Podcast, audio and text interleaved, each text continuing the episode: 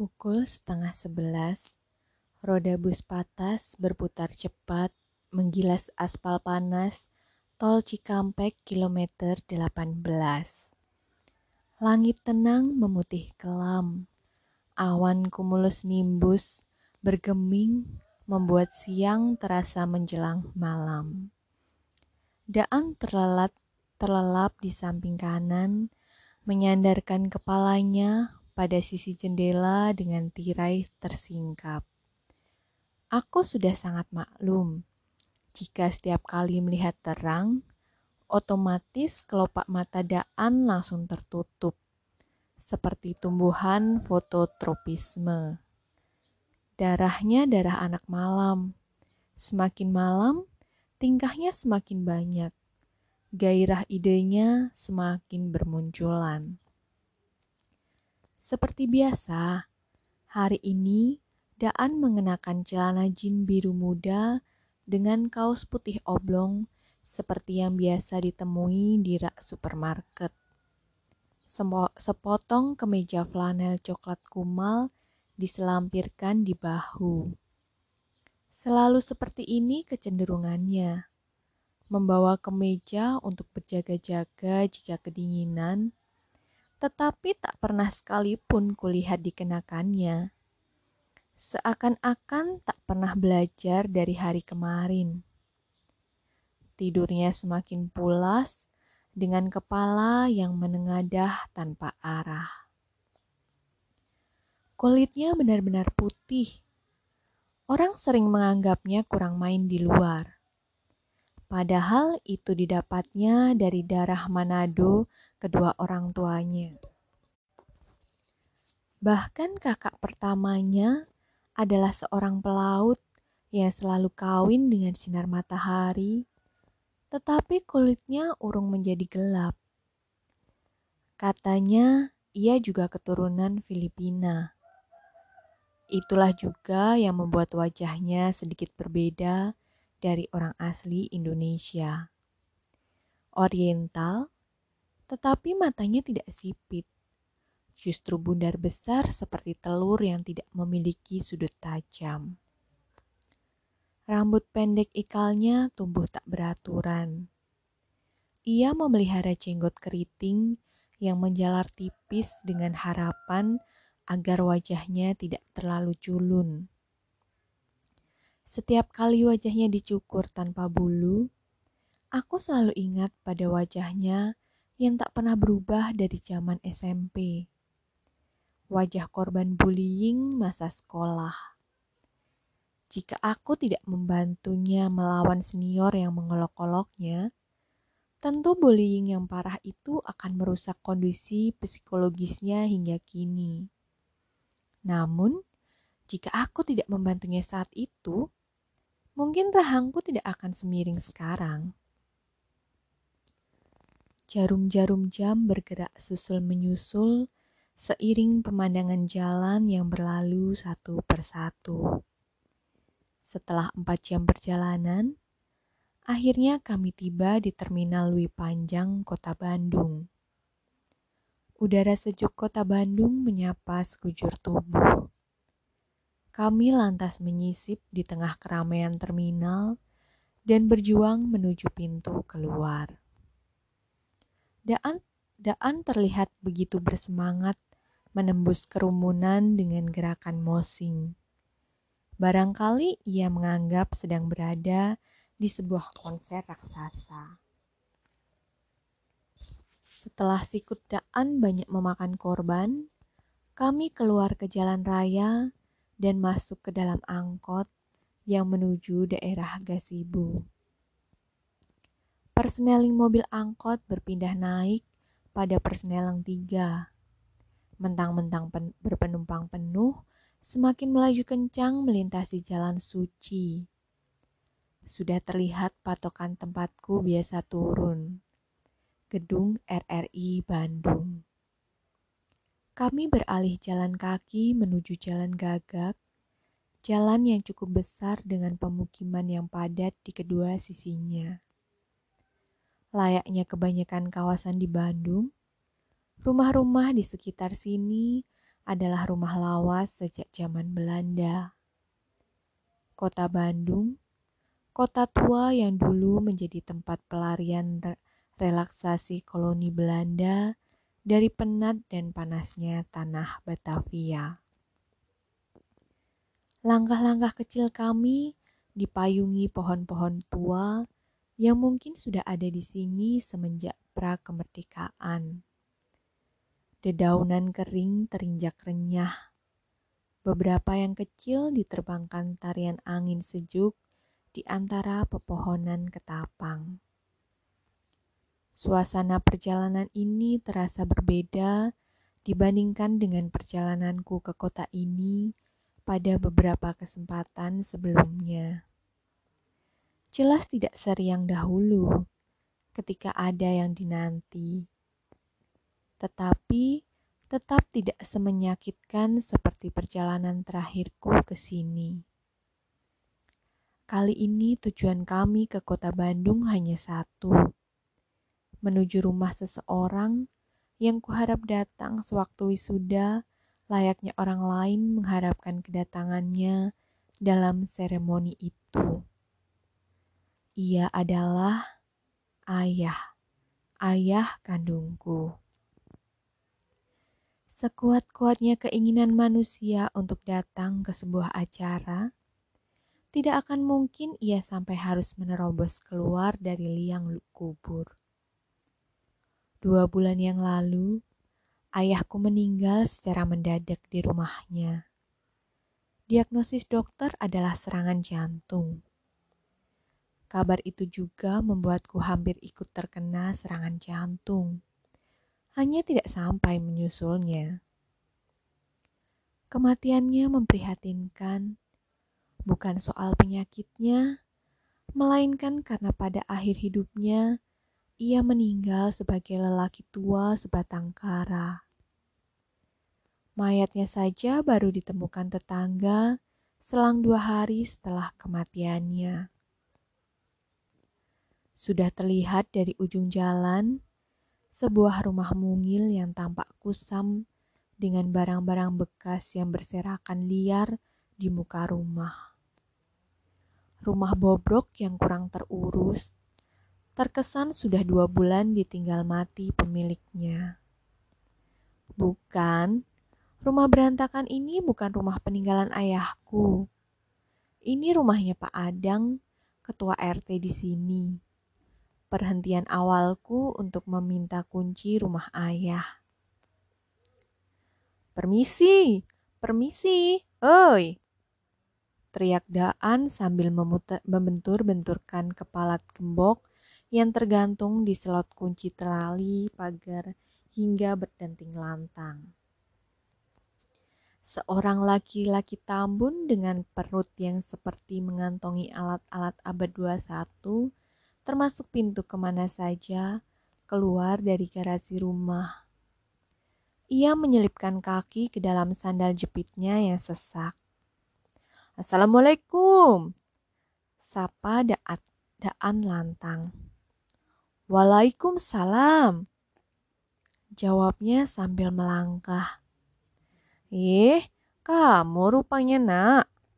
Sapanya akrab ketika melihatku dari dekat.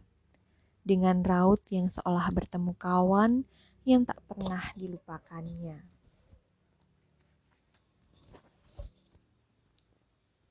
Nak, nak, siapa nama kamu? Maaf, saya lupa. Wajahnya malu kebingungan. Rantau, Pak. Jawabku datar. Laki-laki berwajah agak Arab dengan kumis tipis yang disambut bulu hidungnya yang menjuntai ini sudah sangat lama tak kujumpa. Ya, ya, silakan masuk. Saya baru pulang salat Jumat ini. Jawab Pak Adang sambil membukakan pintu pagarnya dengan gerakan tangan yang mempersilahkan kami masuk.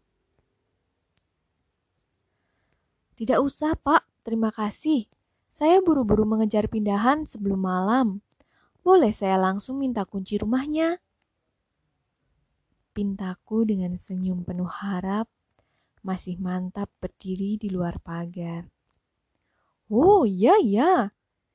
Pak Adang segera merogoh saku-saku baju kokonya, lalu menyerahkan beberapa kunci berkarat yang terangkai pada satu ikatan kawat. Pak Adang lantas menghela napas berat. Nak rantau, sekali lagi saya aturkan bela sungkawa yang sebesar-besarnya. Terima kasih Pak Adang. Atas nama warga, saya juga memohon beribu maaf atas keterlambatan kami dalam memberikan pertolongan. Lanjutnya dengan mata sendu menyipit, tertutup kelopak matanya yang seperti sarang tawon. Kedua telapak tangan melipat di atas perut buncitnya. Pandangan sesal yang dalam tertuju ke tanah. Mendengar penuturannya, seketika sudut-sudut mataku melunak dan berair. Sikap ini jauh bertentangan dengan yang selalu diajarkan ayahku. Laki-laki paling tegar yang pernah ku kenal seumur hidup. Semuanya sudah terjadi, Pak. Setidaknya warga sudah menemukan jenazahnya. Jika tidak, rumah itu sudah menjadi liang kubur terbesar di Bandung. Balasku dengan senyuman yang berusaha tak menyiratkan sedikit pun kekecewaan. Padahal, ketika aku mengedipkan mata, sesuatu langsung menetes dari mata. Aku cepat-cepat memalingkan wajah, lalu mengusap sesuatu itu yang biasa disebut dengan kelilipan debu. Saya langsung kaget setelah tahu kejadian itu. Padahal dua hari sebelum bapak kamu meninggal, saya masih ketemu dia. Masih sehat-sehat saja. Oh iya? Bapak saya sedang apa waktu itu Pak Andang? Keingintahuanku segera mencuat. Apa pun itu, asal tentang kehidupan ayahku pada saat-saat terakhir, aku harus mengetahuinya. Itu hari, almarhum naik motor lewat depan sini pagi-pagi, pas saya lagi nyiram tanaman di depan rumah. Katanya mau pergi ke kantor polisi. Kantor polisi? Mataku membelalak. Begitu pula dengan Daan yang dari tadi menggaruk-garuk cat tembok pagar yang terkelupas hingga semakin rontok. Kini mulai menyimak dan mendekat.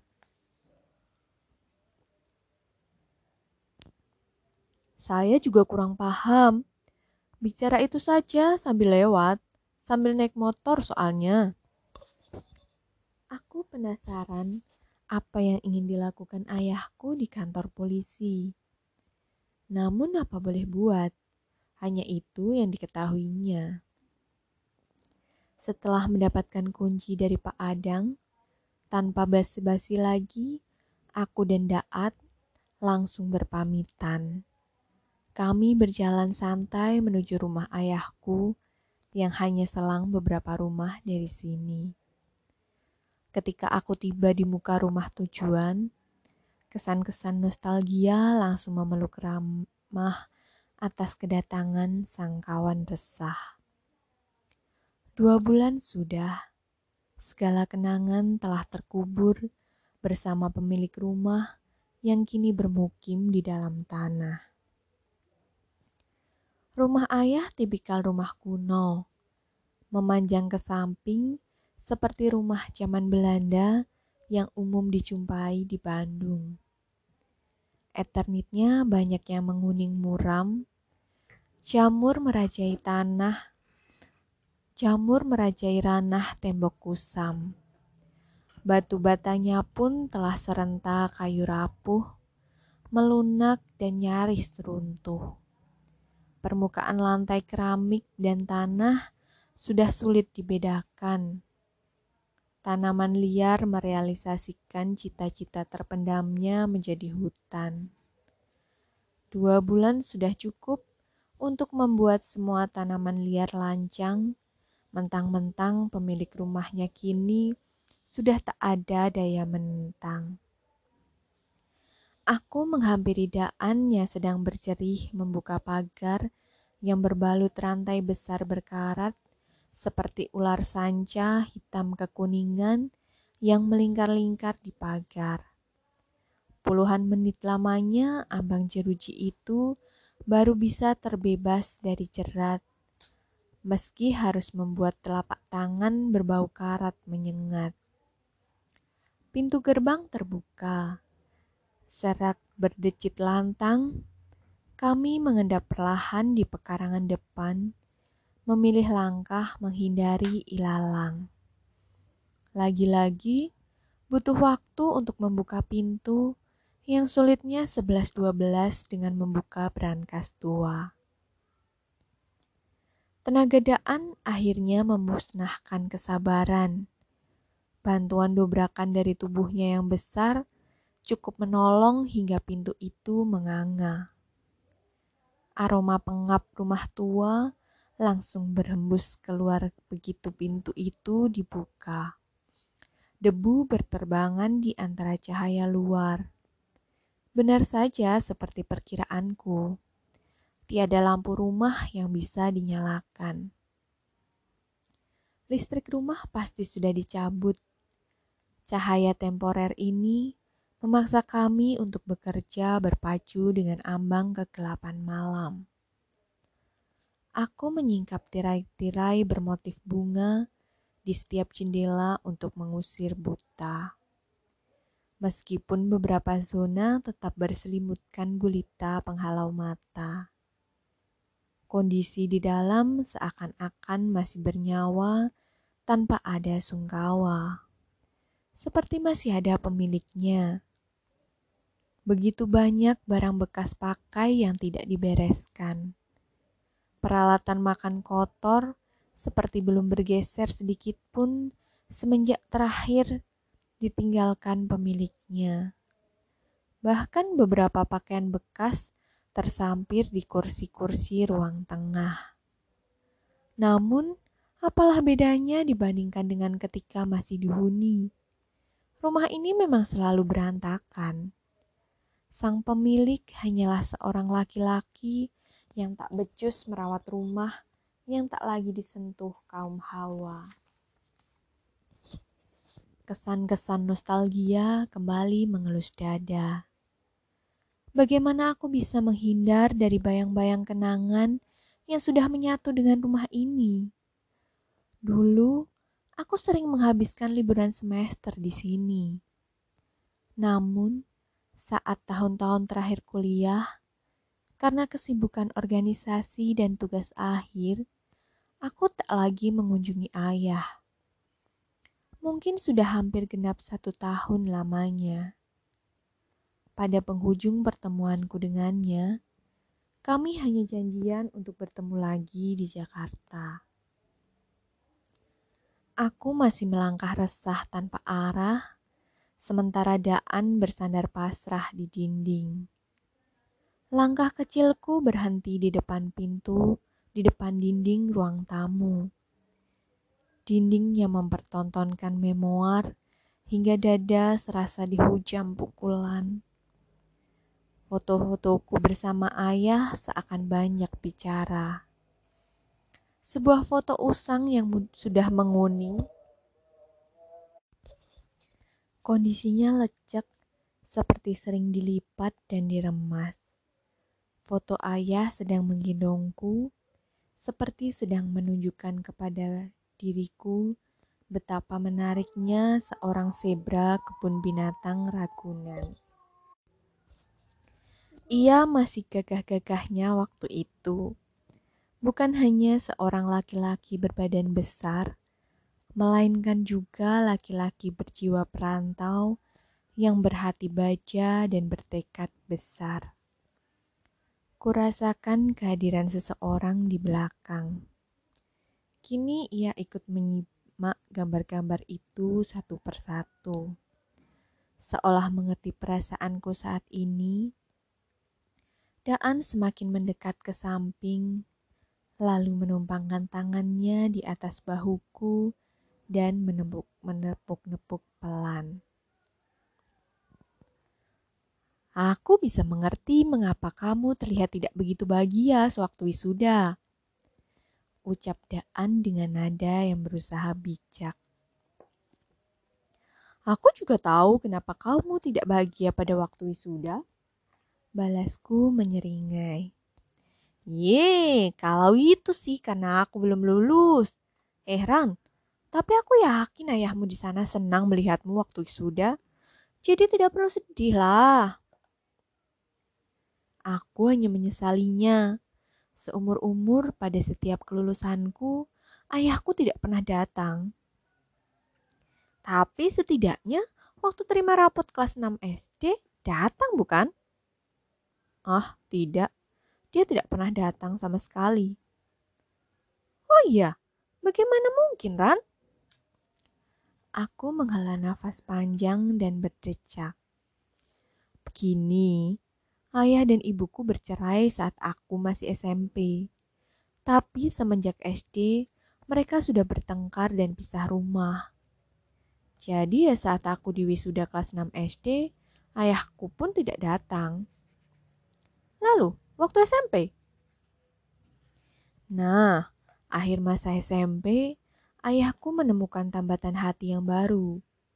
Lagi-lagi wisuda SMP ku bertepatan beberapa hari setelah pernikahan ayah yang kedua. Jadi, dia bulan madu saat aku wisuda. Nah, kalau SMA kenapa? Karena yang datang sudah ayahmu yang baru? Betul sekali.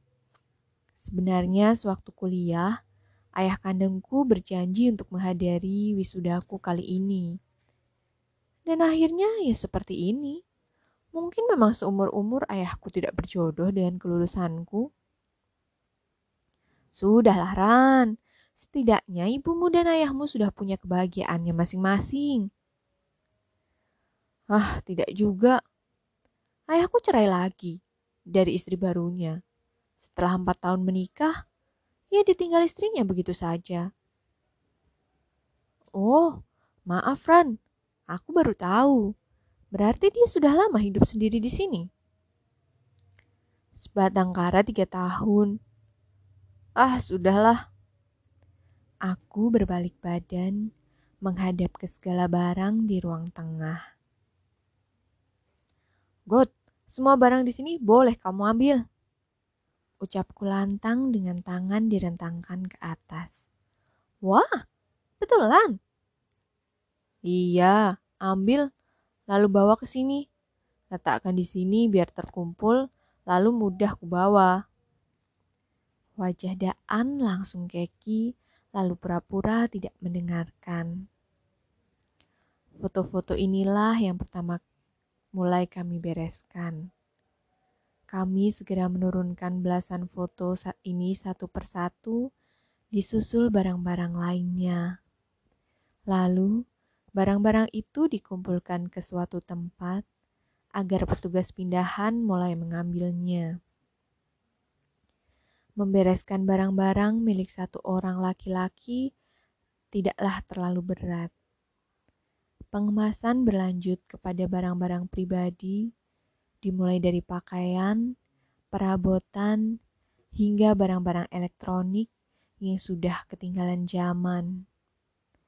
Beberapa barang milik ayah ada yang kuhibahkan kepada Daan, seperti sebuah CD player yang sedang kugulung kabel-kabelnya, karena akan lebih berguna jika terpasang di kamarnya. CD playernya kamu ambil saja, God. Hei, tapi di kosku nggak ada TV. Oh iya ya. Ya sudah tuh, sekalian TV-nya kan ada dua. Ambil satu yang kecilan. Ucapku sambil menunjuk sebuah televisi hitam kecil di kamar ayah. Wah, beneran nih. Makasih, Ran. Bilang makasih sama ayahku. Ah, kejadian. Nanti aku ditemenin nonton lagi. Sahut Daan dengan wajah ngeri. Mogot, mogot. Gumamku menyeringai sembari menggeleng-gelengkan kepala. Sudah, sudah, ambil saja. Tidak apa-apa. Iya deh. Ya, paling tiba-tiba ayahku nitip pesan lewat layar. Ah, Ran, ah! Gumam Daan dengan wajah takut yang lucu. Kami meneruskan upaya beres-beres ini. Setiap benda kami pilah-pilah untuk mempermudah petugas pindahan membereskannya nanti. Bagaimanapun, barang-barang milik ayah harus tuntas dipindahkan ke Jakarta. Walaupun tidak tahu mau diapakan nanti, setidaknya semua tersimpan baik di Jakarta. Tak lama kemudian, bunyi derum knalpot besar terdengar dari luar. Sebuah truk terparkir di depan rumah. Dua laki-laki petugas pindahan pun masuk dan segera bergabung membantu kami.